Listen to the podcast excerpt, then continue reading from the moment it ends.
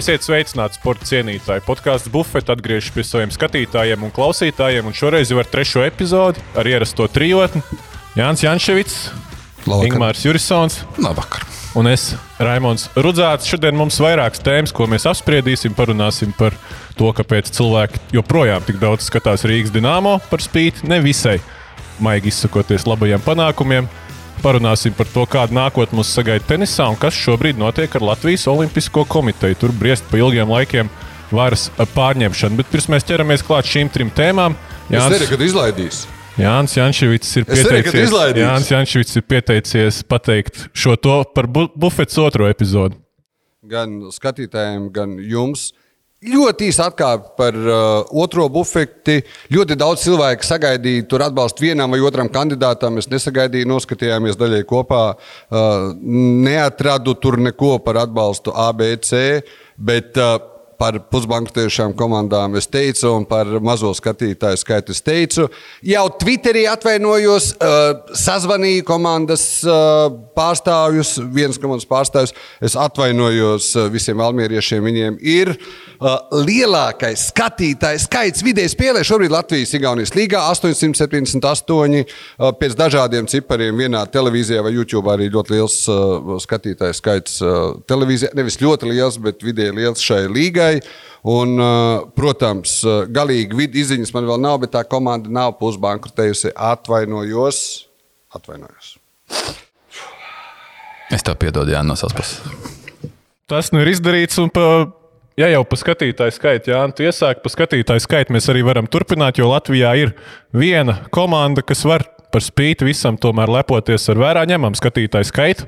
Un tā ir Rīgas dīnāmo komanda. Un, uh, nu, Paskatoties uz rezultātiem, paskatoties uz to, ka šī komanda izslēgšanas spēles nav pieredzējusi jau labi sen, rodas loģisks jautājums, kungi, kāpēc šo komandu skatās? Nu, es saku, ka ir fenomens. Mēs, uh, tas laiks mums ir parunāt. Es nezinu, vai mēs būsim vienā laivā vai trijās laivās. Pat šajā sezonā praktiski 6000 skatītāji. Pie tā, ka notiek cīņa par pēdējo vietu, 6000 skatītāji nāk. Uh, uzreiz uh, salīdzinājumam nu, ar KHL mēs droši vien varam salīdzināt tikai VTB. Nu, mēroga ziņā, jā. VTB basketbola līnija pēdējā sezonā uh, VFam. Tajā spēlēs, kas arēnā Rīgā pāri 900, tajā spēlēs, kas Olimpiskajā centrā pāri 300 skatītāji. Viss. Un tad mēs Latvijā varam piemeklēt Daugopils, nerunājot par pasaules čempionātiem, vai tas būtu junioru, hokejs, uh, Raimonda mīļais, uh, vai tas būtu arī basketbola fināla turnīri, uh, lielo starptautisko turnīru.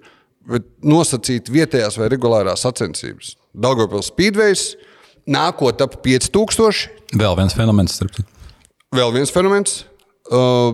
Teorētiski daži, nu jau ir palikuši daži motocrossi, un tad kaut kur ir, ir vispār virs tūkstoša. Futbolā vidēji ar tiem skaitļiem tagad jāuzmanās, lai tur nav atkal jāatvainojas, bet uh, sliktākie eiro, mazākais vidējais skatītājs skaits vidējā, vidēji vienā čempionāta spēlē mums bija. Pareizi, futbolā. Tā bija apkopota skaitļa. jā. Tā bija apkopota. Tas arī būtu loģiski. Nu, ku- man fenomens. Nu, floorbola varētu pieminēt vēl Jānis. Tur, tur tajos simtos, kur mēs skatāmies Valmieras apmeklējumu, mm, tur arī atsevišķas komandas Latvijas floorbola virslīgā arī var uzrādīt solīdus rādītājus. Un, kad ir fināla dienas, viņiem tad parasti kādā lielākā arēnā tur arī pār tam tūkstotim ir. Tā kā Nu, tas ir, tāds. Kopš tradīcijas, uh, un tajās reizēs, kad notiek arēnā Rīga, tur ir droši vien nu, tās Jā, jā. fināla spēles, florbola lielā diena. Nu, ko, Bet ko jūs kāpēc, kāpēc skatās Rīgas dīnāmo latviešu hokeja līdzjutējs vai sporta līdzjutējs ir uh, mazohists? Nē, es domāju, ka tam nav īpaši sakara ar sportiskiem rezultātiem. Vai Ir saistības ar sportiskiem rezultātiem tādā ziņā, ka tie vairs nav 8 un 9 tūkstoši, kā ir bijis, bet, eh, bet 6, 5 un 4. Manuprāt, tas Dienāmo veiksmīgi izmanto pirmkārt to mm, popularitātes, to vēsturisko bāzi, kas ir hokejam, jo arī no padomu laikiem mēs zinām, ka hokejs bija šajā ziņā pionieris starp sporta spēlēm Latvijā. Otra lieta nu, ir izveidots uh, savā ziņā. Es atvainojos, es atvainojos. Es tikai pie vārdiņa pionieris. Ko tu saproti ar vārdiņu pionieris? Nu, nē, nu, pionieris tā, tas, kas ir uh, līderis un vienmēr gatavs un pirmais pie ugunskura. Un, uh, 59, 58, pat 60 gads Rīgas ASK spēles uh, Lekip turnīrā. Dienāmo stadionā, lai pulcētu lielāko skatītāju tikai pa pionierus. Ja tu teiktu, ka Oktobrēns tas būtu jā, okay, padevies, es, es piekrītu, Oktobrēns. Jā. jā Paldies. Komjoniec. Bet, uh, jā, kur mēs palikām? Mēs palikām pie tā, ka. Pie Vēst- pie 70 vēsturiskā gadiem. Pie tā, ka tas ir tā- Balders droši vien. vēstu- Jā, nu, tas ir vēsturiski būvēts uh, hokeja postaments, uz kāda Nāmo šobrīd ir veiksmīgi atspēries, pakāpies, izveidojis, kā jūs teicat, kaut kādu pieradumu. Jo šis klubs tomēr, kas ir ļoti unikāli Latvijas apstākļiem, joprojām spēlē. Tā pašā līgā, joprojām spēlē ar tiem pašiem uh, pretiniekiem, joprojām spēlē tajā pašā arēnā. Uh, cilvēkiem ir zināms, ko viņi redzēs, kas tas ir par produktu, uz kurienu viņi iet. Uh, Principā jau rēķinās arī to, ka droši vien, ka nevinēs, ja vinēs, tas ir tikai bonus kopumā, tādā savā ziņā.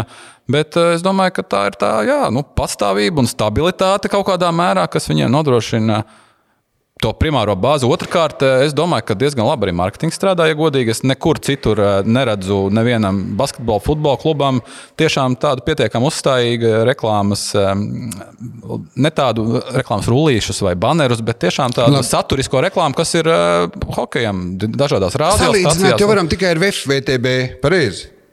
Nu, citiem ir vēl, vēl savādāka situācija. Nē, nav sacensību vispār. Nu, teorētiski Nē, nē, nu, tādu lielu turnīru, sacensības, protams, pie, nu, jā. nezinu, tur plus 30, plus 40 spēles, šobrīd KHL plus 60 spēles, nav jau, nu, ar ko teorētiski salīdzināt. Nu, varētu salīdzināt ar kādu citu projektu, kas ir tā kā veidots eh, kaut vai daļēju budžetu atvēlot eh, tam, lai patiktu skatītājiem. Mums, manuprāt, tas Latvijā vispār ir atoms, ka kāds klubs uh, ir veidots kā skatītājiem un kā produktam un kā kaut kam, uz ko būtu vērts iet. Nu, Dienāmo kaut kādā veidā to kaut kādu budžeta daļu tam tomēr tērē, un nu, tur ir pietiekami fanātiski pāris cilvēki, kas ar to nodarbojas. Bet tad No no es saprotu, ka veiksmīgi tērē. Tā tad veiksmīgi. Es teiktu, ka veiksmīgi. Jā. Ja mēs salīdzinām 6000 pret 900, Protams, jā. Veiksmīgi. Drīzāk mēs ejam otrā grāvī, kuri tad ir eh, vēl tie klubi, kas, eh, kas mums ir domāti skatītājiem. Mums ir basketbolā kāds klubs, kas ir izveidots eh, nu, tā kā domājot par skatītājiem. Mums ir futbolā kāds klubs, kas ir izveidots par skatītājiem. Es tagad nesaku, ka nav, es tikai Nē, prasu. nu, ar viņu jau ar savu publisko iznākšanu jau tie klubi jau bieži vien sev tā arī pozicionē kā potenciālo tautas komandu. Ja mēs kaut kādus rādītājus gribam pievilkt Rīgas dīnāmo vidiem apmeklējumam, nu tad pēdējais, kas man nāk prātā, VFS basketbolā 2012. un 2013. gada sezona Ulepa Kausā. Komanda aizcīnījās līdz top 16, tik tālu viņi arī vairs nav bijuši. Nu, tad vidējais mājas spēle arēnā Rīgā apmeklēja 5,3 tūkstoši skatītāju. Tur bija trīs spēles ar Bilbao, ar Valenciju un ar Čehu komandu. un tad Tā, tādi bija tie rādītāji. Labākais rādītājs - 7000 pret Valenciju, ja man atmiņa nemīl. pēdējā kārta? Jā, tā bija pēdējā kārta, kur izšķīrās, vai tiek top 8. vai netiek. Šausmīgi skumīgi mēs izlaidām toreiz to visu stāstu. Jā. Jā, bet tas ir. Bet tagad ir droši vien, ka mēs pie Dienāmo kā tāda droši vien ir pēdējais mēnesis, uh, kā tāda. Nu, mēs vēl nonāksim, atgriezīsim, nonāksim, jā. Kāpēc eksistēt, vai cik ilgi varēs eksistēt, bet uh, pietiekami daudz kungu jūs arī labus vārdus uh, veltījāt Dienāmo skatītājiem. Ja izņem ārā Dienāmo, tad mums ir uh, klubu līmenī griezti tūkstoši. Mums nebūs tāda sacensība, uz kur vidēji atgādināšu. uh, Latvijas-Igaunijas līga, tas labākais klubs ir 878 šobrīd, uz to brīdi, kad tika oficiālie dati apkopoti. Es, do, es domāju, ka kādam būtu tā vieta, tad jāizpilda, bet es neredzu starp esošajiem projektiem. Tur, tur drīzāk ot, kāds nāca ar, ar uzstādījumu no kandidātiem, ka tik tā nebija Anita Jēkabs un Žogotka vai Eirolīgas komanda. Ja būtu kaut kas tāds basketbolā, tāds piedāvājums, varbūt nevajag pat Eirolandes komandu, varbūt vajag tādu pašu līmeņa komandu, kā nezinu, bija Vēfs vai Vēnspils 2004. un 2005. gadā. Bet vietējā čempionātā vai tajā Eirolandā? Es, es domāju, starptautiskā līmenī. Jā, pa vietējo čempionātu es diezgan skeptiski raugos, un man liekas, ka ir pa šiem gadiem mainījušies skatītāju paradumi. Un, un tas vietējais um, produkts vairs tā nesaista, un, un tie lokālie derbiji, man liekas, arī vairs tā neuzrunā. To mēs redzam kaut vai pēc LBL finālsērijām, kur tie pretinieki jau katru gadu, tas Vēnspils un Rīgas savstarpējais derbijas ir gandrīz katru gadu. Nē, vēl jau ir, ja pie tā pieturās, tad cik tie derbi ir? Kas ir stiprāka komanda? Tā, kas uzvar Latvijas-Igaunijas līgā, vai tās, kas uzvar tajā līgā?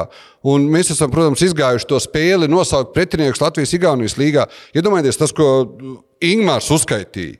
Viens turnīrs, desmit gadus, 80, manuprāt, procenti pretinieku. Vieni un tie paši gadi ar interesantiem nosaukumiem. Uh, Ziemeļu tēraudi vai dienvidu tēraudi, tā, bet ar vienādiem nosaukumiem. Es domāju, ka jūs, kungi, pat uh, pēdējos trijos, četros gados nenosauksiet turnīru nosaukumus, kuros ir piedalījusies VF un Vēnspils. Kā tur tos FIBAS Nu, precīzi, nē. čempionu līga? Bet būtība, būtība varētu ieskicēt, bet uh, Jā. precīzs nosaukums. Nē, bet man liekas, ka uh, te ir jārunā Dienāmo sakarā par to latviešu patoloģisko vēlmi skatīties hokeju. Uh, jebkādu hokeju, nu, labi, ne jebkādu, bet uh, daudz maz pieklājīgā līmenī. Uh, tur ir tas vēsturiskais uh, konteksts, par ko Ingūns runāja. Jo vēsturiski skatoties, visu laiku ir bijuši kaut kādi uh, kaut kādi podestai, uz kuriem tie hokeja fani pakāpjas. Vai tas ir pieminētie Dienāmo 70. gadi, Tihanova Balderēra, vai tas ir 88. gada sudraba paudze, atkal pacēlums 90. gada ar Irbas Ozoliņu rad, radīto to hokeja bumu Latvijas izlasā grupā. Viss, aiz tā visa. Latvijam ir vajadzība piepildīt sevi ar kaut kādu hokeju. Un, un labs piemērs tajā bija pirmā pati gandrīz izpārdotā spēle arēnā Rīga hokeja spēle. Tas nebija Rīgas dīnāmo, tā nebija Latvijas pieaugušo izlase. Tas 2006. gada 9. aprīlis. Latvijas Dānijas U-18 izlašu spēle pirmajā Cigāru divīzijā. spēle, jā. jā, par tikšanu, par tikšanu augstākajā grupā drīkstam studijā? U-18. Un tad iedomājies, Jā, tajā laikā, tajos bada apstākļos, arī U-18 hokejs o- pēc spēka otrā divīzija Latvijam ir gana kairinošs, lai, lai arēna būtu te izpārdot. Un tas Raimond. tikai pierāda, ka kaut ko vajag no hokeja. Raimond, tā otra.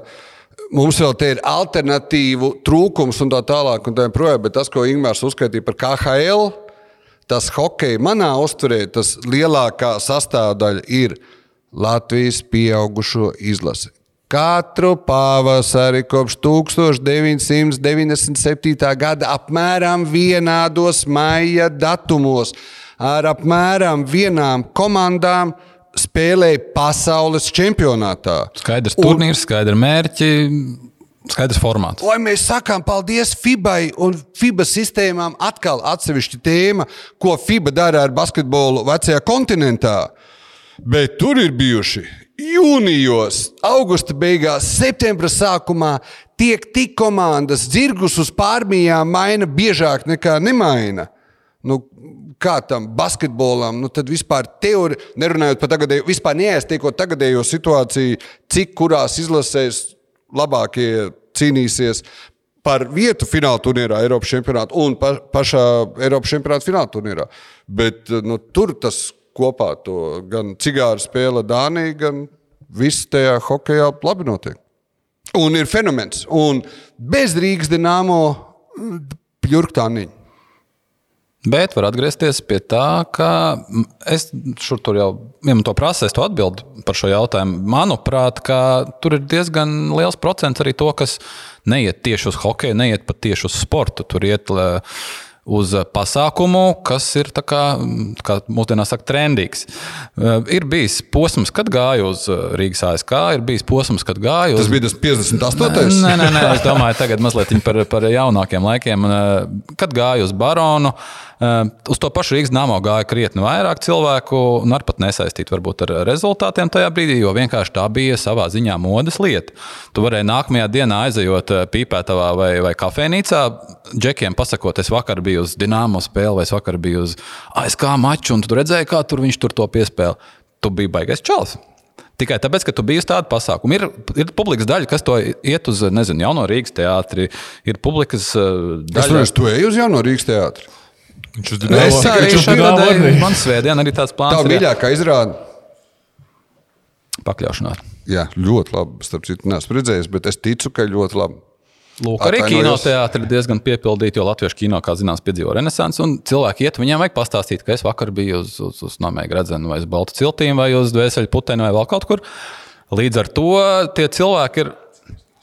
Apsties centos, jā, spēku centos. Uh, vienkārši cilvēki iet uz kaut kādām vietām, kur ir uh, būt modīgi savā ziņā. Līdz ar to, ir, ja būs kāds sporta klubs, kas spēs šajā, šādā veidā pasniegt sevi, nomarketēt sevi, ka es neesmu parastās apakšbīgas, bet es esmu Kalvina Kleina apakšbīgas, tāpēc es varu maksāt četras dārgāk, un jūs vismaz man nākat.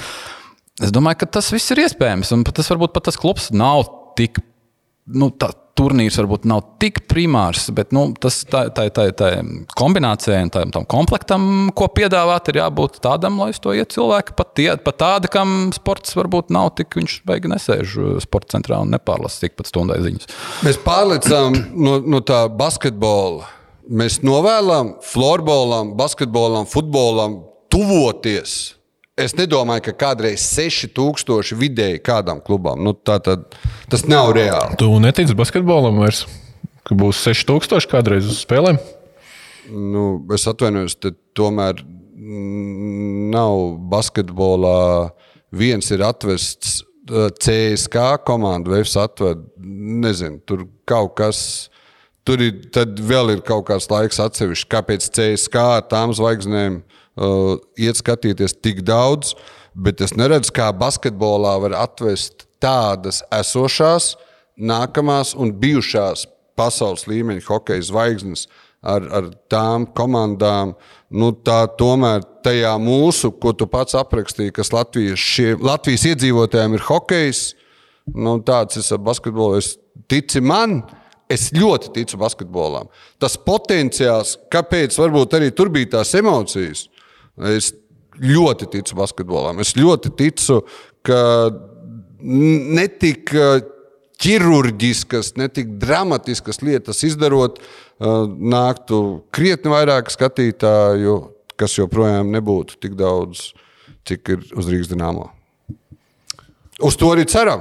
Uz to arī ceram par Rīgas dīnāmo. Mēs, protams, vēl parunāsim, kādos no mūsu nākamajiem podkāstiem sagaidīsim šīs žēlīgās sezonas beigas, un tad arī veltīsim vairāk laika Rīgas dīnāmo un šīs komandas nākotnē. Bet tagad mūsu nākamā tēma arī saistīta ar nākotni - Latvijas Olimpiskā komiteja ir pieteikusi, ka būs jauns vadītājs, būs jauns prezidenta vēlēšanas, jauno karognesēju, ne tieši Olimpiskajās spēlēs, bet Olimpiskās kustības jauno karognesēju mēs sagaidīsim jau 20. martā.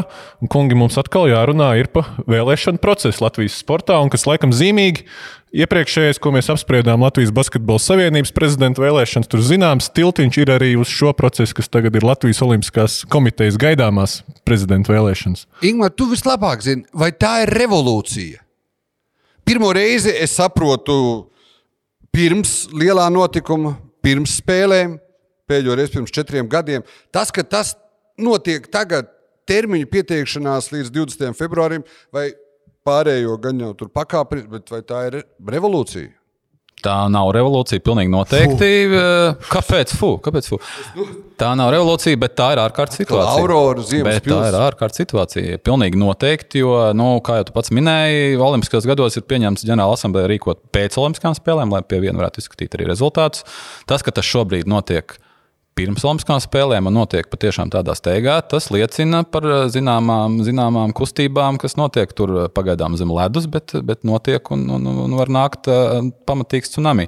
Es tagad baigi negribu pārspīlēt to, teiksim, to efektu, kas varētu rasties visā rezultātā, bet principā tas fons, fons ir zināms. Fons ir tāds, ka, ka izglītības un zinātnīs ministrija ir gatavo diezgan nopietnas pārmaiņas Latvijas sporta sistēmā kā tādā. Mēs zinām par prioritāriem sporta veidiem, mēs zinām par smaguma centra mēģināšanu pārnest no loka uz uh, pašu ministriju, kā tas ir bijis kaut kad iepriekš, agrāk, mazliet vēsturē. Līdz ar to no Loks, acīm redzot, izdara kaut kādas atbildes kustības, lai mazliet nostiprinātu savas pozīcijas un atbilstoši tie cilvēki, kas ir vadībā, mēģina to izdarīt. Jā, Aldons Liels, ir pateicis, ka viņš neturpinās šo darbu, kas ir nu, posms tomēr ir 16 gadi, tāpat kā Vilnam Baltņam iepriekš. Nu, tas tāds, tāds diezgan pamatīgs cikls, un, nedomāju, ka mums šausmīgi vajadzētu brīnīties, ka, ka šādā brīdī kāds cilvēks pasakā, ka viņš varbūt ir piekusis un vairs, vairs īsti to negrib darīt, un varbūt trūks motivācijas vai kaut kā cita. Bet, Bet uh, tas, kā tas notiek šobrīd, uh, jā, nu, skats ir tāds uh,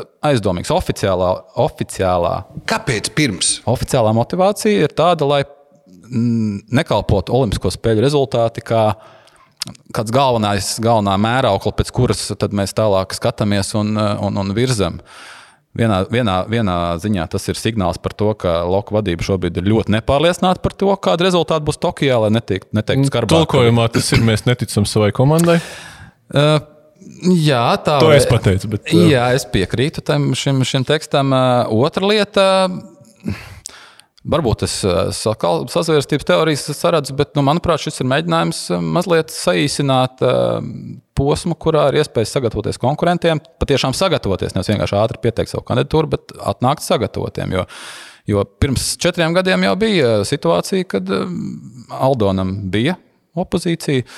Opozīcija bija, bija nāca no Edgara Jaunupa organizēta ar teiksim, Bobslēga federācijas prezidenta Kola personā. Nu, līdz ar to es domāju, ka Olimpiskā komiteja šogad arī sagaidīja nu, Edgars Jaunupu, teiksim, varbūt eh, tādu kaut kādu soli no opozīcijas puses. Mēģināja apsteigt Jaunupu. Mēģināja apsteigt eh, Jaunupu un pārējos, kas varētu likt eh, sprunguļus spieķos tam procesam, kādu to iztēlojās pašreizējais mehānisms, pašreizējā varas piramīda. Bet, ja drīkst, tas, tas precizējums, mūsu pirmās Olimpiskās spēles bija 92. gads. Un tagad 28 gadus bija labs princips pēc Olimpiskajām spēlēm. Un tagad mēs sapratām, ka tad ir kā par vairākām runāja, tur tā atšķirība. Nu, ir tā, ka objektīvi. Nu, Tāpēc es saku, ka ar pabāliem, diegiem tas arguments. Nu, viena, no, viena no lietām ir tā, ka, ko šobrīd izjūt Olimpiskās komitejas vadība, ir, ka ir būtiski mainījies Olimpiskās komitejas imidžs politiskajā vidē. Un mainīsies arī pati politiskā vide un tie laiki, kad Olimpiskās komitejas vadošie funkcionāri varēja tā, lai runājot, spērt kājas durvju vaļā vairākos varas gaitiņos, tie laiki garām. Un, nu, tas ir arī viens no tādiem iemesliem, kāpēc vismaz kosmētiskais remonts vēlams, un arī par to sasteigtību nu, savā ziņā netic, netic līdz galam savas olimpiskās komandas sniegumam vasaras Olimpiskajās spēlēs. Nu, būtu pilnīgi uh, cita veida, es domāju, signāli no politiskās vides, no, no varas kloķu raustītājiem, kam it kā nav tieši, tieši sakars ar Olimpiskās komitejas prezidenta vēlēšanām, būtu cits konteksts tad, ja šis process notiktu pēc neveiksmīgas olimpiādas. Un tagad teiksim, tā, tā temperatūra ir zemāka un nu, nav tur ko noliegt sporta kolāros. Cilvēki to zina. Nu, paš, pašreizējā izglītības un zinātnes ministra Ilga Šuplīnska ir diezgan tiešā tekstā arī likusi noprast pašreizējam lielajam trio. Latvijas Olimpiskās komitejas nemainīgajam Aldonim Rubļevskim, Eināram Fogelim un Žoržam Tikmeram, nu, ka varbūt būtu laiks paiet mazliet malā. Protams, pati ministre nevar ietekmēt to, kurš kļūs par jauno prezidentu tiešā veidā, bet nu, vairāk šādi faktori ir noveduši pie tā, ka, ka jātaisa tas process ir sasteigts, manā skatījumā, sasteigts, pātrināts, labi lietosim vārdu pātrināts un martā. Raimond, tas tavas sajūtas, es zinu, ka pasakojot līdzi, man vairāk sanāca Šuplīnskajā sekot līdzi, ko viņi saka par skolām un atvēršanām, aizvēršanām un tā tālāk. Kāda ir tā tava sajūta? Kāds viņai tas fons saprast, ieteikt lielajām trijo, Grubļevskis, Fogels un Tikmērs paiet malā. Domā... Viņi ir izdomājusi. Vai viņi to ir izdomājuši? Tas ir, tas ir labs jautājums, ko, kas būtu viņai jāuzdod. Mēs viņas galvā nevaram ielīst. Es domāju, tas fons ir tajā, ka viņas redzējums kopā ar, ar partijas biedriem un kopā ar izglītības un zinātnes ministriju ir mazliet sašaurināt to, to spici, kas ir Latvijas sporta eliķe, varam to tā saukt. Un, uh, Un šajā gadījumā nu, teiksim, tā pašreizējā un ilgadējā Latvijas Olimpiskās komitejas uh, vara vienmēr iestājusies par tādu, dodam visiem pēc iespējas vairāk, mēģinam pabarot visus mucus kaut kā, kaut kā, lai viņas ir apmierināts un lai tā roka paceļās tajā asamblējā par šo kandidātu. Un šajā gadījumā arī Žorža Tikmēra kandidatūra, kas šobrīd ir vienīgā izskanējusi, nu, tā nav pārmaiņu kandidatūra. Es, godīgi sakot, es neticu, ka ir iespējams viņu gāzt, jo federācijām, kas nevar lepoties ar lieliskiem olimpiskiem panākumiem, masveidību, popularitāti vispārējo, man liekas, viņiem absolūti pašnāvība būtu balsot par kādu pārmaiņu nesēju, par kādu figūru, kas iezīmētu nu, tādus radikālus pārmaiņas sporta vidē, kuras principā Šuplīnska kā ministra tomēr vēlas. Kungi, vai mēs, vai olimpisko sporta veidu sacensībās ir jābūt skatītājiem? Jebkurās sporta sacensībās ir jābūt skatītājiem. Lai ko mēs arī pie tā mēs nonāksim pie ziemas sporta veidiem, tagad mums ir priekšā vasara. A, kurš cik mums ir? Kas mums ir? Rīgas kausi. Ir vēl Rīgas. Es ļoti atvainojos. Mums ir taču Rīgas kausi. Ogrē, Ir, jā. jā. Bija arī Valmjerā. Valmjerā ir Nē, prezidents, es sajaucu, atvainojos. Tev ir kā no Siguldas 20 km tālāk. Tā... Nu, 20 km tālāk nav, bet jā. Es arī sākšu ar atvainošanos Valmjerā. nākamā. Klausieties, labi. Rīgas kausa prezidenta balvas izcīņa. Uz ko vēl teorētiski? Viegli atlētika aiziet. Nē, Olimpiskajos sporta veidos. Vasaras? jā. Nu, Pludmales volejbols diezgan, diezgan iekarojas savu vietu Latvijas sporta līdzekļu Bet kā sirdīs. Tur ir tur ciklo. Un tad tas jautājums būtu, lai kā uzvarētu Žoržs Tikmers vai varbūt kāds cits kandidāts. Tie, es, es labāk pazīstu to, kas pie televizorām pasako, lai cik nodarbotos ar skeletonu pasaulē, bet ko dara Dukuri, Čibermanis, ko dara Melbārdis, tos uh, tie skatās pie televizora. Tie, kas skatās sportu pie televizora, ir parastais sporta fans. Viņš vispār izjutīs kaut kādā veidā, vai tikmers, vai netikmers. Trešais Domāju, ka Ja, ja tikmērs neizjutīs pārmaiņas, um, bet te man liekas, mums uzreiz ir jārunā, vai mēs kaut ko zinām par potenciālo opozīciju, un vai ir pie apvāršņa kāda alternatīva kandidāta. Pagaidām, sāksim nopietni? ar to, ka par, par izmaiņām Žoržs Tikmeru amizanti, bet Žoržs, cik es esmu dzirdējis pilsētā runājumu, nāk kā nevis eh, tāda saglabāt eh, esošo, bet tieši kā reformators, kas ir mazliet eh, savādi, ņemot vērā, ka viņš jau strādā 30 gadus kā Latvijas sporta funkcionārs, jau 92. gadā bija Loka eh, viceprezidents. Un, Un, un eh, delegācijas vadītājs jau neskaitāms reizes, un eh, visas faktiski šīs loka sistēmas, viens no veidotājiem, tēviem un uzturētājiem, kad šobrīd viņš nāk ar, eh, ar zināmām reformām, kad, kad tas ir neveiksmīgi, tas ir nepareizi. Viena no tām skar, piemēram, Omasko vienību, kas arī nu, tas nozīmē skatītājiem, tas varētu kaut ko mainīt krietni. Es uh, man tomēr, es tā lai skaidrāk, man šodien lēnām, laikam, man tagad ir un lēnām, jā. vasara un ziema. Sakiet, lūdzu, tas viss, jo es saprotu, mums nav vasaras olimpiskā Latvijas komiteja un ziemas. Nē, bet olimpiskā. vasaras un ziemas sastāvs vienā olimpiskajā vienībā. Jā. Tā tad uh, reformātors, viceprezidents no 92. gada, ja es pareizi saprotu, reformēs to, kas darbojās nepārāk veiksmīgi. Nu, protams, par to domas dalās. Pārāk veiksmīgi, ne pārāk veiksmīgi. Bet... Mēs vēl skaitīsim uh, tās uh, medaļas ziemā, tad, kad iedos, tad, kad mēs apratīsim līdz galam sudrabs, tur zelts vai bronza, bet nav tā, ka Soči un Phenjana ir ar pārsvaru veiksmīgākās olimpiādas. Nu, nē, pēdējā, jā, mums, uh, Korejā mums bija viena medaļa, Sochi, jā, Soči un tam- Phenjana saskaitām Pirms tam kopā. Vankūverā mums arī bija cēlmetāli, vairāk kā, kā Korejā. Tā kā pēdējās, principā, Drīkst oficiāli sākam no- akreditētiem žurnālistiem sākam- pajautāt. Tiešām Vankūverā vairāk? jā, Mārtiņš Dukurs, brāļš Šīts. Divas. Vankūverā. Uh, Korejā Oskars Melbārds ar savu stūmēju Jānis Strēngu vienīgā medaļa. Un Sočos, Sočos. Bija, Sočos bija Šici, bija Stafetes komanda. Stafete Kamaniņās, bija Melbārds, nu jau ar divām medaļām, un bija Mārtiņš Dukurs. ar Tā tad ir Soči un nu, Nu, kopā. so, nu, kopā, nu, kā skaitā. Soči pašas veiksmīgākās. Nu, jā, jā, jā. jā, jā. Tas man tikai likās, ka nevis Vankūvera ir veiksmīgākās. Nu, te man sanāk, ka mēs nevaram runāt par ne, vienkārši Bet, lielu. uh, Korejas spēles parādīja, ka tā līnija nav augšupejoša. Ziemas sporta veidos arī. Uh, iepriekšējās spēles Rio. Cik medaļas? Neviena. Uh, ja mēs, protams, nenovēlam neveiksmi saviem sportistiem gaidāmajās spēlēs, bet nu, šis skats, kas šobrīd ir ap Latvijas potenciālu olimpisko komandu, man liekas, ir vēl, vēl tāds spēlēcīgāks, kāds bija pirms Rio. Nu, līdz ar to Kaut kāds, kaut kāds restarts prasās, uh, prasās Olimpiskajai vienībai un varbūt vispār sporta. Es pat teikšu, uzreiz sporta, uh, profesionālā sporta finansēšanai Latvijā noteikti prasās restarts. Raimond, tikai, ja drīkst, Ingūna, pieņēmuma formā. Tagad uh, skaidrs, es, protams, ka piekrītu praktiski katram vārdam. 80% vai izvēlēties, ja kāds cipars paliek un tiek ievēlēts Žoržs Tikmers.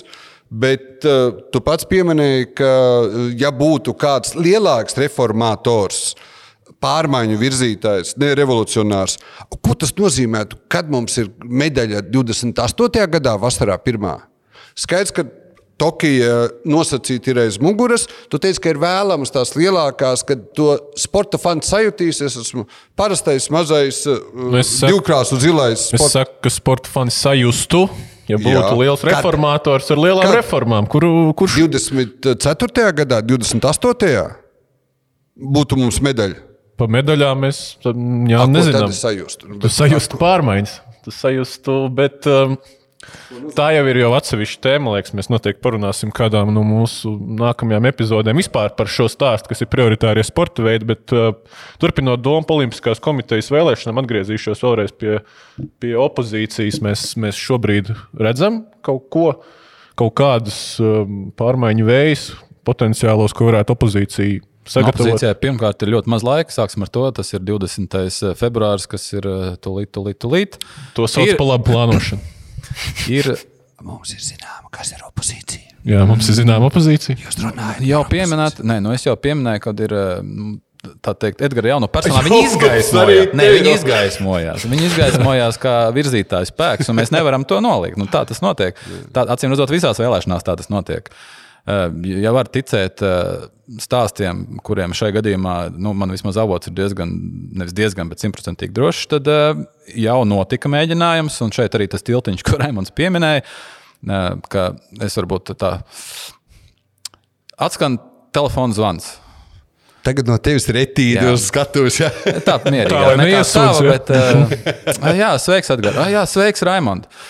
Klau, es zinu, ka tu gatavojies kandidēt Basketbalu savienības vēlēšanās uz prezidenta amatu. Man te būtu tāds priekšlikums.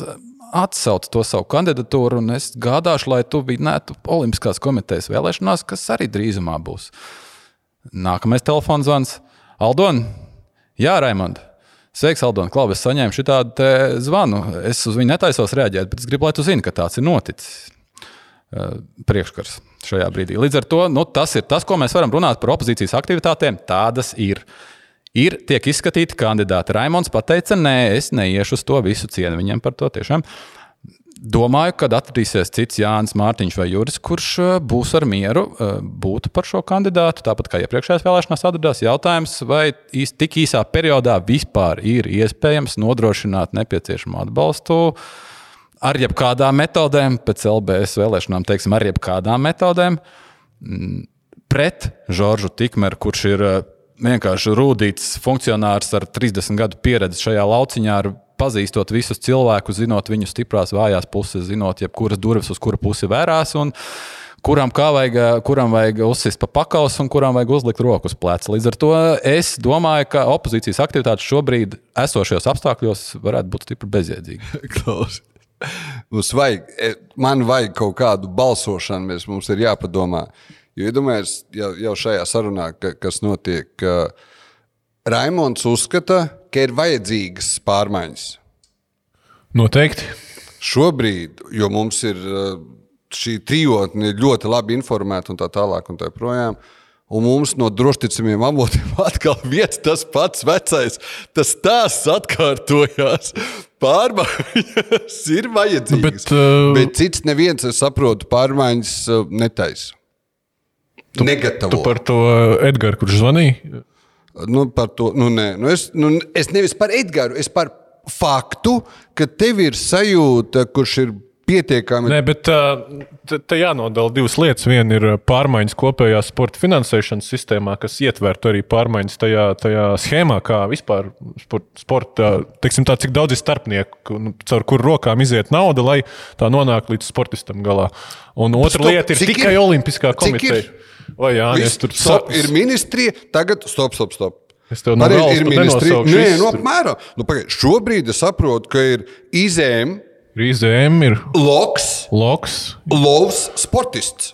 Latvijas Sporta Federācija Padome, padome, Uļas Starp fonds, Lovu- kas ir Latvijas ir starpnieks.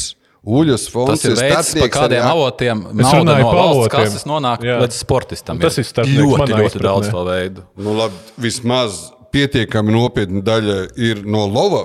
Taisno Pietiekami nopietni, bet ir ļoti liela daļa, kas arī ir sad, sad, sadrumstalota. Mums ir nopietna Mums ir viena daļa, un- daļa, un mums vēl tur strautiņi, strautiņi, strautiņi. Un, apkārt. un Labi, kas- tādā ziņā es saku, ir jānodala šis konkrētais process, kas notiks 20. martā, kuras negaida nekādas ne liels uh, pārsteigums, ne arī pārmaiņas pēc tam uz tālāko dzīvi.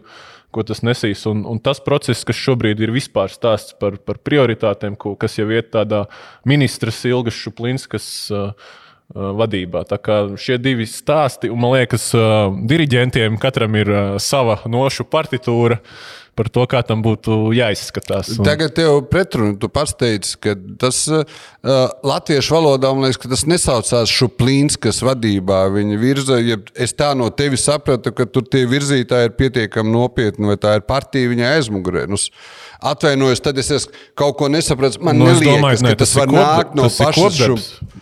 Jā, tā Tas, ka tev te- neliekas, ka no viņas. Nu, tas, Ne, tas tev jau ir- liekas, tu jau esi. Es saku, ka viņa kopā, kopdarbs, tas ir kopdarbs, nevis viņas vienas sapnis par, par, par, par nozari, varbūt, kurā viņai pieredze nav nemaz tik liela un noteikti nav arī prioritāra viņai dzīvē. Nu, tā kā, un arī no izglītības ministra mēs nekad neesam gaidījuši, ka prioritāra viņam būs sporta nozara.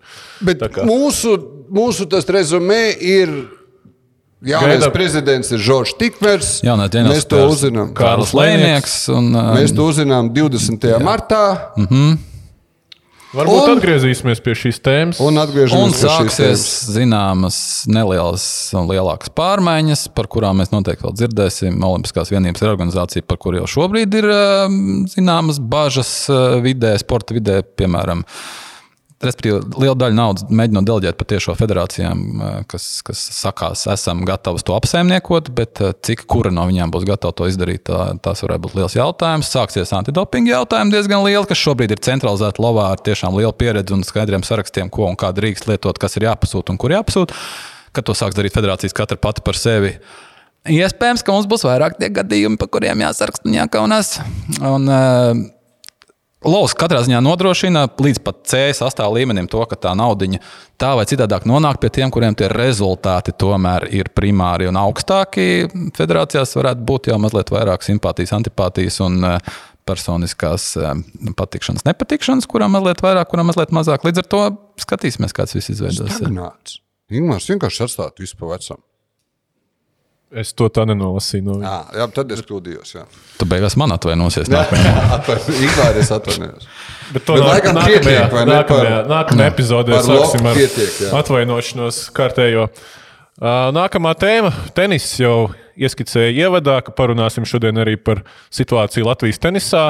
Tikko pat uh, Latvijas sieviešu izlase aizvadīja vēsturisku duelu federāciju kausa izcīņā pret ASV izlasi. Turklāt ļoti uh, labi komplektēta ASV izlasi piekāpāmies gan pēdējā piektajā dubultspēlē, viss izšķīrās. Uh, bet, nu, gods kam gods, Anastasijas Sevastova pirmo reizi piespieda federāciju kausa izcīņas ietvaros Serēnai Viljamsai, varenajai, varbūt pat sauksim tenisa karalienei, zaudēt kādu spēli. Nu, Jās, jāteic, ka ja pirms gadiem, pieciem, mēs runātu par to, ka Latvijas tenisa sieviešu izlase spēlēs pret ASV, kā līdzīgs ar līdzīgu, ka mēs būsim starp 16 pasaulē labākajām izlasēm, ka mums būs bijusi French Open čempioni, ka mums būs bijusi citi spēlētāji pusfinālā US Open, ka mēs tiešām būsim tenisa elitē ar vairāk kā vienu personas kodu.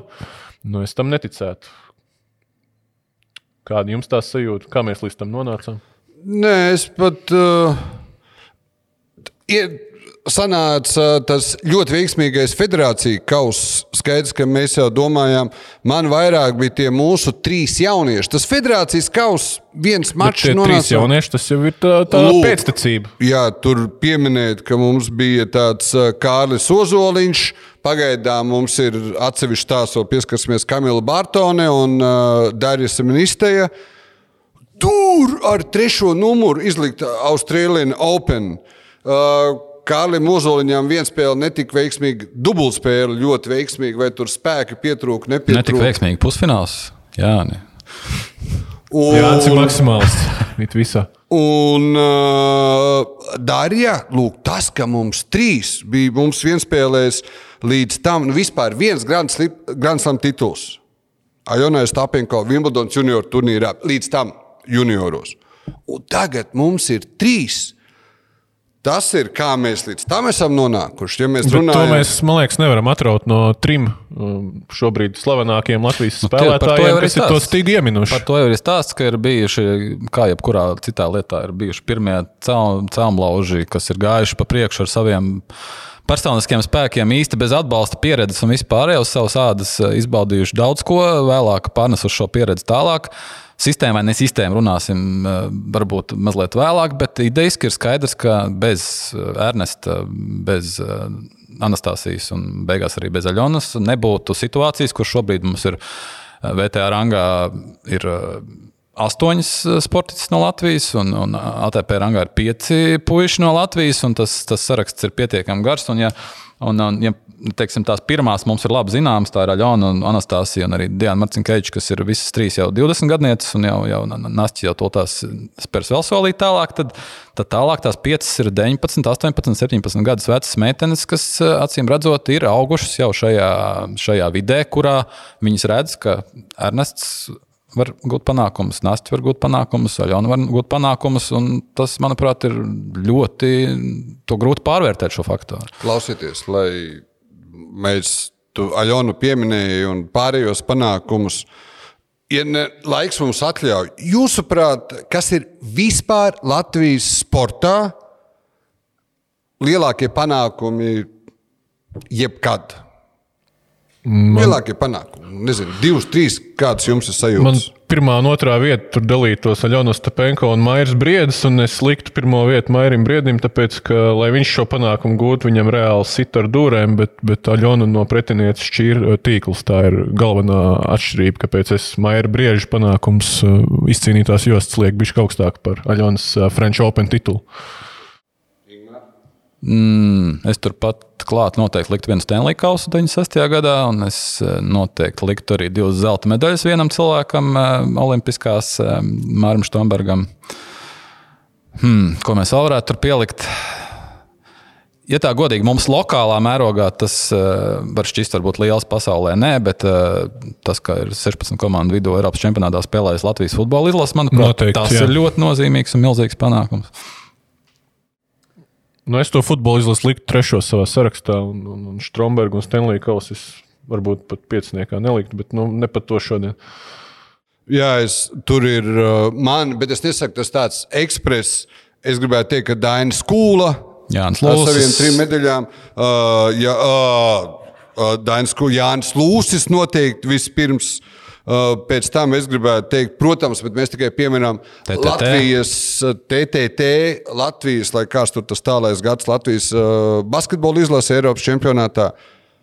Nu, Neno, tad Jānis piekrītu. Daliņš vēl, un tā mēs varam Es vēl daudz saukt. piekrītu. Briedis un Aļona vienkārši pat nevis, jo visu cieņu Nastjai, visu cieņu Ernestam vispār nav jautājumu. Bet Aļonas, nu, tas ir tā kā ar 2004. gada Portugāla Latvijas futbola izlasi. Jums ir sajūta, ka teorētiski nākamreiz mēs, mūsu valsts pārstāvis var uzvarēt Grand Slam tenisa turnīrā. Jā, es domāju, ka var. Un Es arī neizslēdzu šādu varbūtību. Bet es saku, savukārt, ja tu velc šīs tendences kopā, tas ir 17. gads. Un es nedomāju, ka mēs to jauniešu, šī brīža jauniešu izaugsmu tik ļoti varam saistīt tieši ar to 17. Es drīzāk viņu saistītu ar Ernestu, kurš pirmais iegāja top 10, un tas jau ir senāks stāsts mazliet. Te- Tāds Kārlis Ozoliņš eh, tajā brīdī, kad Ernests ienāca un parādīja, ka tas ir eh, top 10. Viņš kā reiz bija tā vecākā puika, kuram ir, eh, ir acis deg. Ernests top 10 uh, ienāca 2014. gadā pēc uh, veiksmīga French Open, kur viņš sasniedza uh, pusfinālu, bet es, es to sakni meklētu ap 2007. un 2008. gadu, kad Ernestam jau bija pirmie nu. Grand Slam, jau ceturdaļfināls, viņam bija arī tajā pašā. French Open. Un, principā, parunājot arī ar tenisa vidas cilvēkiem, kas dienas dienā tenisa vidē darbojās, tāds, ja mēs varam to saukt par bumbu, un viņi to sauc par tenisa popularitātes bumbu, tad viss ir sācies ar Ernestu Gulbi, par ko mēs viņam bieži vien aizmirstam arī pateikt paldies.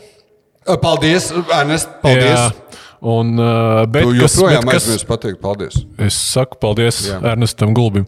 Uh, bet, ja mēs runājam par tenisa izaugsmu tādā izpratnē, kā, kā masveidībā, tad vislielākā masveidība novērojama tomēr amatieru tenisā, kad jau pieaugušā vecuma, pieaugušu vecumu sasnieguši cilvēki sāk tenisu nodarboties. Un, protams, ka uz tādiem uh, lieliem panākumiem tas mūs patiešām neved šis ceļš, bet tas netieši var novest pie tā, ka viņi savus atvases tomēr sūta tenisā un nevis futbolā, basketbolā, citos sporta veidos.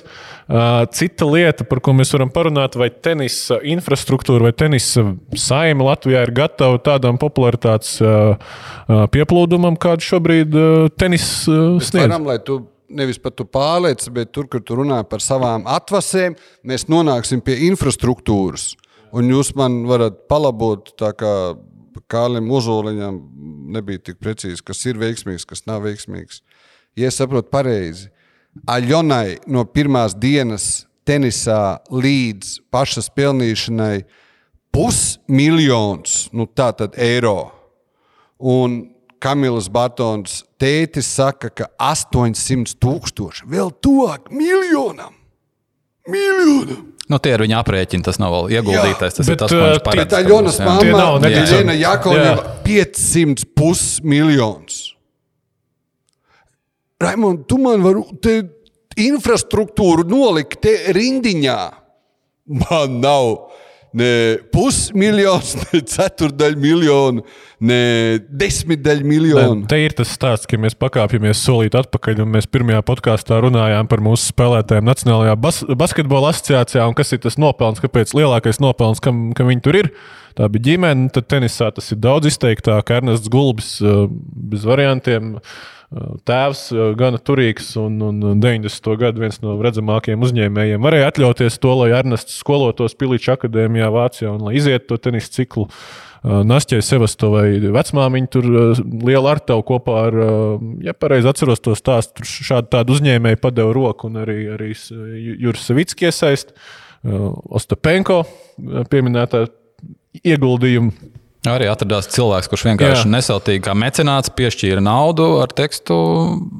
Ņemiet, ja kādreiz būs panākumi, tad, tad runāsim Norēķināsimies, tālāk, jā. bet, eh, bet lūdzu. Protams, tam ir nepieciešami nozīmīgi finansiāli ieguldījumi, kurus ne katra ģimene, maigi sakot, var atļauties. Līdz ar to tas ir arī milzīgs menedžmenta darbs ģimenei. Vai trenerim, vai eh, visiem kopā, kas eh, meklē šos finansējumus. Kas ir, uh, ko tu biji domājis ar infrastruktūru? Nu, Es- manā es- uzturē ir gribēju sporta zāle un treneris. Korti. Sporta zāle Nav. un treneris. Kortu Pirmkārt, kortu trūkst. Un to lielo gribētāju Tāpat ledu hokejā, jā. jā, viņi nevar apsaimniekot. Otrkārt, treneri, kā tenisa vidas cilvēks saka, treneri vēl būtu vismaz līdz zināmam līmenim. Uh, Cita lieta par tām iespējām, nu, cik pareiķiniet, pareiķiniet paši, tur, protams, matemātisks aprēķins būtu grūti palikt apakšā. Es ņemšu kalkulātoru? Kāda ir iespēja tātad piedzimt talantīgam tenisā sportistam ar pienācīgām darbspējām? Ļoti turīgā ģimenē, mazajā Latvijā, nepilnīgi divu miljonu iedzīvotāju. Tā tad jau pašā saknē iespēja, ka mēs tur varam stabili konkurēt gadiem, nu, ir ļoti trausla. Jā, Raimond, un... no pie tā tevis teiktā. Ieļena Jakovļeva, es saprotu, intervijā kādam labam žurnālam, nu, vismaz agrāk, uh, ir teikusi, vai kādam citam izdevumam, ka, kā viņa uzskata, laba infrastruktūra ir tikai četrās Grand Slam valstīs. Tātad Lielbritānijā, Austrālijā, Francijā, Amerikas Savienotajās valstīs. Un tikai Tur, tāpēc, ka tur ir fonds, Grānslam fonds, Jā. kas ir paredzēts tieši šiem līdzekļiem. Jā, tā intervija. Es Ne, tā ir uh, globāla problēma, bet ko tam mums darīt? Mēs, tas mums liedz pašiem proaktīvas uh, darbības veikt uh, Latvijas sportā, lai kaut kā talantam padotu roku jau laicīgi un ļaut izsisties. Es, es par šo jautājumu es pagājušajā vasarā intervēju Kārlu Leinieku, Tenisa Savienības ģenerālsekretāru.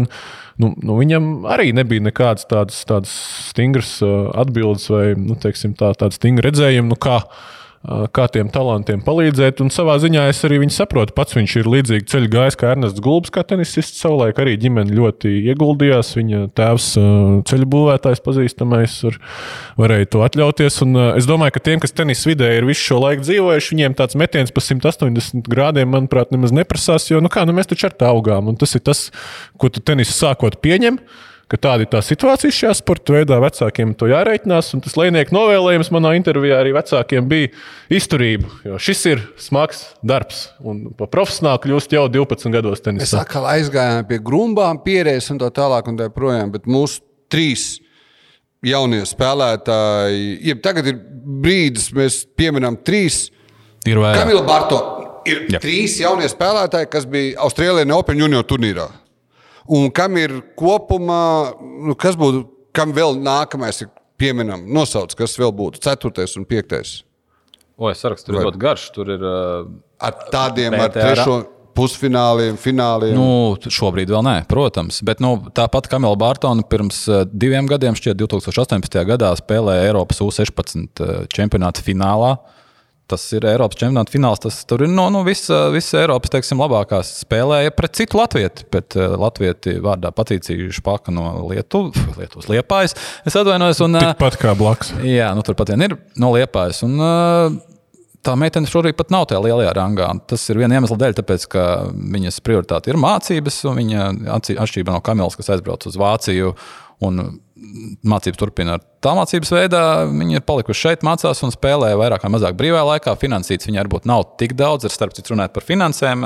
Arī viņas tēvs tajā pašā vienā labajā žurnālā kādreiz eh, izteicās, kādreiz labajā izteicās par to, ka, nu, ka īsti nieres, niere vai aknas viņš vēl pārdevis nav, bet eh, to, kas ir eh, tādu jēdzienu kā overdrafts un kredīts, to viņš katru mēnesi pārbauda. Jo tāda vidēja izdevuma pat neskrienot nekur tāliem lieliem turnīriem ir ap tūkstoti mēnesī. Tas, kas ir jāiegulda šādā vecumā, šādā perspektīvā tenisistē, nu, kā kaut kāda minimālā programma. Tas, tas ir viens no uzvārdiem. Kamila Bārtone ir paziņojusi savā Instagram kontā, ka drīz pārstāvēs Vāciju. Labi, slikti, šausmas, saķeram galvas. Kā viņi tā varēja? Ko viņi dara? Kur ir dzimtenes mīlestība, kur ir patriotisms? Vai tas tomēr ir normāls process? Manuprāt, ļoti normāls process. Es neredzu nekādu pamatu, nekādai histērijai. Ja tieši tā, ja mēs izējot no pozīcijām, pozīcijām, par kurām mēs runājam, par to, no kurienes ir šis talants attīstīts, kā, kas ir ieguldīts līdz šim un kāds ir tas izvēlētais ceļš. un Es īsti neredzu tādu mm, iemeslu Latvijai, kā valstī, vai tenisa savienībai, kā organizācijai, īpaši protestēt par to, ka mēs bijām un tu, bez mums tu nebūtu būtu nekas. Ir, protams, ieguldījums, nevar teikt. Tenisa federācija, Kamila bija viena no tām, kas arī caur ITF programmām saņēma, saņēma atbalstu, teiksim, līdzīgi kā Ļona un, un vēl citas meitenes talantīgākās, kas ir avio biļešu apmaksas un tur dalību turnīro, dal, turnīros un, un, un, un, un varbūt citas tādas salīdzinošas kopējā fona nelielas priekšrocības. Bet, uh, Es domāju, ka Kamilā ir visas tiesības. Viņa rēķinās ar uh, reakcijām un sekām. Viņa rēķinās ar to, kur viņi iet un kāda tur ir konkurence. Un, ja acīm redzot, ja tas, tas, ko var dabūt pretī, viņai šķiet, tie plusi šķiet uh, lielāki nekā tie mīnus, ko var zaudēt. Nu, Tas ir viņas lēmums. Viņas, visticamāk, viņas tēva lēmums, kā mēs zinām. Bet, nu, Mēs novēlam, lai es piekrītu pilnībā. Vispār nav jautājumu. Mēs novēlam, lai viņai veicās, lai viņa sasniedz tas, kur tētis, cik es sarēķināju, 800 līdz tam brīdim, kad sāks atpelnīt, lai sāk atpelnīt, lai jebkas ir labi. Nu jā, es domāju, ka rezumējot šo tēmu, mēs arī uz šo mm, piemēru varam atsaukties kā ļoti ilustr ilustratīvu apliecinājumu tam, ka kāda tad ir situācija Latvijas tenisa sistēmu, ka ja sportists ir spiests, nu labi, spiests varbūt Nu, ir Raimond, tu tikko interpretācija. Nē, tā ir situācija. Latvijas tenis. Uh, Dējām cauri Latvijas vēsturei, pirmie, kas uz Brazīliju pagāja aizpagājušā gadsimta beigās. Nu, vienmēr ir cilvēki, kas brauks. Nu, meklēs tur, kur ir labāk, tur, kur ir siltāk. Nu, es atvainojos, nu, lācis, smigu tur, kur ir siltāk un tā tālāk. Ja Kamilai teicis, ir izreikināts, es nedomāju, ka tur tev tikko izstāstīta tā situācija, un es arī esmu mēģinājis iepazīties. Nu, vienmēr būs, nu, atvainojos, mums uh, sporta spēlēs vismaz nu, saucam vai nesaucam tos uzvārdus, kādu iemeslu dēļ, lielākas vai mazākas Bet blakus valsts. tas mē... nav vairākums, Jānis. Tas, tas tie ir atsevišķi gadījumi. Šajā gadījumā, lai kā un cik un kādu avio biļeti. Ne šajā gadījumā sportists pozīcija ir Ar- es saprotama. ar starp- jā, vai viņi ir viss- atbalstām? Protams, ka nē, kā, kā Par laimi valsts mums- patriotam, bet viņi saprotam. Par laimi mums tas nav tik traģiski. Mums nav tā, ka viņa ir vienīgā jaunā tenisiste, kuru mēs tagad zaudējam, un tas būtu emocionāli grūti, un mums būtu daudz jāpārdzīvo. Mums tiešām ir tā jaunā paudze, ar ko mēs šo tēmu sākām. Viņa aug. Ok, Kamila Novēl- šobrīd ir visaugstāk, bet uh, ITF junior rangā šobrīd ir uh, septiņi puiši un desmit meitenes. Tas ir, uh, tas ir pietiekami liels Tas cipars. ir no cik? 2000, Rangā. 2000 kaut kā. Uh, Turklāt, uh, ja pārsvarā tur viss ir 2002, 2003 gadi, kas ir tuvu tam junioru vecumam, tad tūk, pirmajā tūkstotī ir arī mums Valērija Maija Kārgina, piemēram. Mm, kaut kur Kurā ir brīnišķīga tā kombinācija, par ko ierunājās Raimons. Viņai ir gēni no Annas Barinovas. Viņai ir, teiksim, zinām, Kas ir Anna turība. Barinovis? Atvainojos. Brīnišķīga tenisiste bija pirms, uh, pirms pārtrauca savu karjeru Latvijā. Ļoti talantīga. Eksbanķiera. Eksbanķiera. Sieva un tā tad mamma. Tieši tā. Jaunajai. Un, uh, Valērija Kargina arī meita tā, tā skaitā, kura tur ir pirmajā tūkstotī ar savu 2006. dzimšanas gadu. Līdz ar to mēs nevaram teikt, ka mums ir aizskrējis viena prom un ka mums tālāk nav. Mums Ir mums desmit- tenisa bums vai nav mums tenisa bums? Ir mums Ir, tenis ir. bums, ir mums tenis bums, un tajā pašā intervijā, tajā pašā brīnišķīgajā žurnālā es runāju, tas bija es, kas runāja ar, ar Jēlēnu Jakovļevu, un viņa teica, pēc Ernesta eh, teiksim, eh, pusfināla bija milzīgs jauno džeku pieplūdums. Puisi nāca rindā, bet tā strāpuši. Pēc tam, kad uh, French Openā uzvarēja Aļona, bija milzīgs 5-6 gadīgu meiteņu pieplūdums. Nav, diemžēl, tādas statistikas, mēs nevaram to apkopot, jo ir daudz privātie klubi, kas to nedara. To saka treneri ar 15 gadu pieredzi, kas ikdienā to dara un strādā. Bija milzīgs pieplūdums, un katrs šāds panākums to pieplūdumu tikai vairo. Pēdējo gadu laikā, pateicoties trim uzvārdiem, ar kuriem mēs iesākām, ir tas bums. Un mēs varam tikai plati smaidīt un neraudāt par Bums, ka... bums ir. Es, es drīzāk, es jebkurā gadījumā par to nākamo Grand Slam čempioni. Vai tādas- čempionu, nu, varbūt. Nu, novēlēsim veiksmi, vai ne? Mēs uh, novēlēsim izturību vispirms jau vecākiem, jo izturību vecākiem novēl arī Latvijas tenisa uh, savienības vadība. Nu, ko, jāizšauj mums ierastās piecas patronas, kā jau mēs katru uh, podkāstu beigās esam jau pieredzinājuši savus skatītājus un klausītājus to darīt. Es šaušu šoreiz pirmo patronu un uh, par to pašu tenisa tēmu. Uh, jāizgaršo mums, man liekas, ir tā pamatīgāk tas, kas tikko notika, ka Latvijas sieviešu tenisa izlase ASV izlasēji piekāpjas rezultātu 2 pret 3 pret ASV izlasi, kas spēlē te.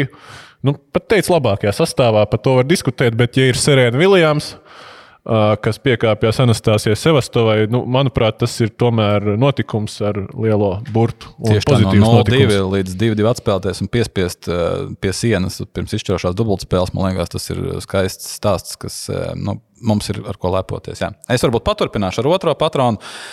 Es atkal šaušu Ziemeļamerikas virzienā. Elvis Merzlīkins pirmo reizi Latvijas vēsturē mums ir NHL nedēļas labākais spēlētājs. Tas, ko viņš šobrīd dara vārtos, tas ir vienkārši fenomenāli. Tiešām prieks pēc tāda sezonas sākuma, kāds, kāds tas bija. Šobrīd vidēji 2,19 ielaist vārtu, 93% atvērtītais procents metienu. Tas ir starp, starp vadošajām līgā. Uh, 12 uzvaras 16 spēlēs kopš kļūšanas par pirmo vārdsargu. Gaidām Valentīnu dienu. Ne tāpēc, Jānis, kā tu domā, bet tāpēc, ka Kolumbusa spēlēs Buffalo un arī Zemgum ir laba sezona. Viņam ir desmit vārti, tas ir otrs labākais rezultāts vispār viņa karjerā. Vai Zemgus būs labāks, vai Elvis būs labāks, es domāju, ka atkal ir vērts kādam naktī piecelties, paskatīties.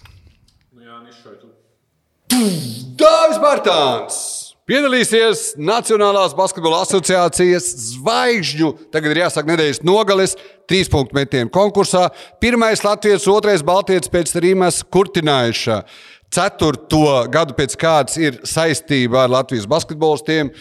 Porziņš jauno talantu spēlē, Porziņš meistarības stafetē, Porziņš izlaida dēļ savainojuma, Rodions Kurits, Kuruts jauno zvaigžņu spēlē un tagad Dāvis Bērtāns. Viņu tur neielaida vienu gadu. Visi turam īšus tajā no sestdienas uz svētdienu. Pasākumiem vidējā diena, no sestdienas uz svētdienas pēc Latvijas laika, lai dāvim viss sakrīt, viņš uzvar un mums ir liela uzvara trīs punktu metienu konkursā. Nu, tad par pozitīvu notikumu šaušu savu patronu arī es. Nedēļas nogalē Siguldas bobsleja trasē Gaidāms zīmīgs notikums Latvijā nebijis, jo tiks pasniegtas olimpiskās medaļas, olimpiskās zelta medaļas. Oskara Melbārža četrniekam, Oskars Melbārds, Domans Dreiškens, Arvis Vilkas, Jānis Strānga šosezon gan aktīvi startējoši augstākajā līmenī līdz šim bija Vilkaste, bet arī Melbārds taisās startēt šajā pasaules kausa nogalē, kur būs divi posmi. Es sapratu, ka vienā vēl izdomās komanda, kurā no abiem redzēsim Melbārdu un pasniegs arī bronzas medaļas viņam ar Domanu Dreškenu par uh, sniegumu divniekos. Tā kā Zins Ekmans, Bobsley, uh, mūsu cilstāvs sola kārtīgu atmosfēru, ka, un ka tā atmosfēra tuvošoties tam, kāda tā bija Olimpiskajās spēlēs. Tā kā uh, priecīgs notikums un galvenais nebijis notikums Latvijas sporta dzīvēm. Un vienlaikus atgādināšu ievadam ar visu šo skaisto stāstu, to ziemas, visu sportu uh, izšķirošo brīdi sezonas, jo jau šonadēļ ir uh, sākās pasaules čempionāts Bietlānā, Antholcā, sākās pasaules čempionāts Kamiņbraucnā Sočos.